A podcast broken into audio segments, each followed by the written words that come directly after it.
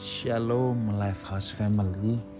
Lukas 1 ayat yang ke-38 kata Maria sesungguhnya aku ini adalah hamba Tuhan.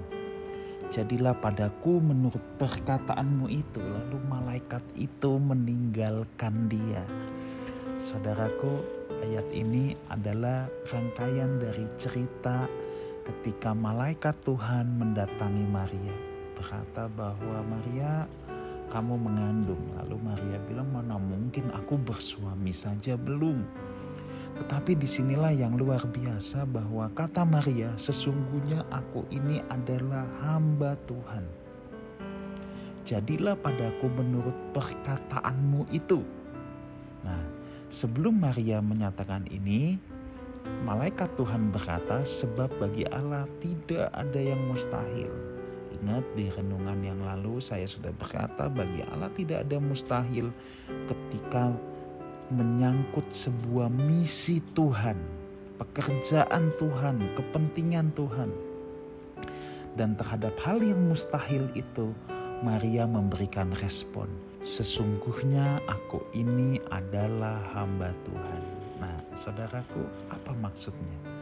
Apa maksudnya ketika Maria berkata, "Aku ini adalah hamba Tuhan"? Maksudnya adalah hamba itu kan orang yang tidak punya hak hidup, saudara. Orang yang haknya direnggut sepenuhnya oleh kepentingan tuannya. Jadi ketika Maria berkata, "Sebab aku ini adalah hamba Tuhan", Maria betul-betul mengakui dan menyadari bahwa dia tidak berhak atas apa pun. Dia nggak punya hak apa pun. Apa pun yang Tuhan mau terjadi dalam hidupku, terjadilah.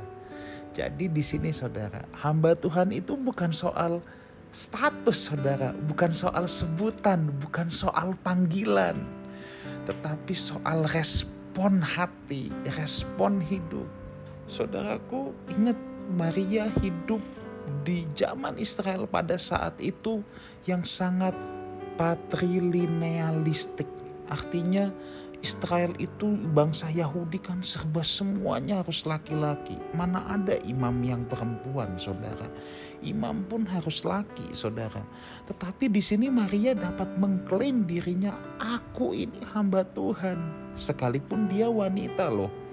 Dia juga bukan keturunan Lewi, saudara kok dia bisa mengklaim dirinya hamba Tuhan? Nah, di sinilah Maria telah memiliki pengertian. Hamba Tuhan adalah seseorang yang menyadari, saudara ya, menyadari bahwa dia tidak punya hak hidup. Semuanya diserahkan untuk Tuhan. Kalau Tuhan mau apa, biarlah terjadi. Jadilah padaku, kata Maria, menurut perkataanmu itu, sekalipun mungkin terasa berat, Sekalipun aku beresiko menanggung malu, wah saudara, siapa yang bisa percaya saudara tiba-tiba tekdung, tiba-tiba hamil. Terus Maria mau bilang ini dari roh kudus, Maria pasti akan dituding bukan-bukan. Pertaruhan Maria itu bukan cuma sekedar pinjemin rahim, pinjemin perut saudara. Tetapi ini masalah harga diri.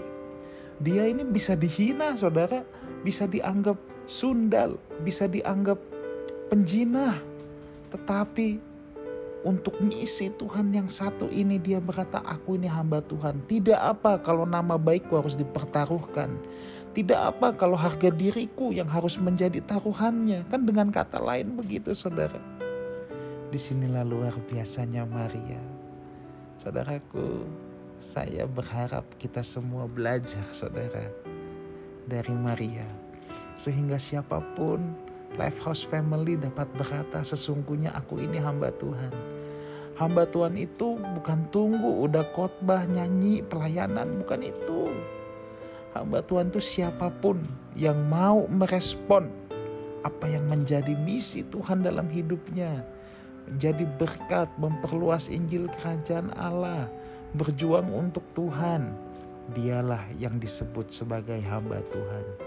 Saya sekalipun berkhotbah, tapi kalau yang saya jalani mau-mau saya sendiri, saya tidak dapat berkata sesungguhnya aku ini adalah hamba Tuhan.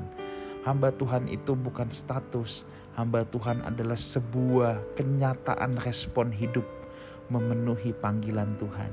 Jadi saya ingatkan sekali lagi, sekalipun saudara bisnismen, ibu rumah tangga, pegawai, siapa pun saudara, saudara adalah hamba Tuhan ketika saudara mau menyerahkan hidup saudara, meresponi misi Tuhan dalam hidupmu. Tuhan Yesus menyertai kita semua. Haleluya.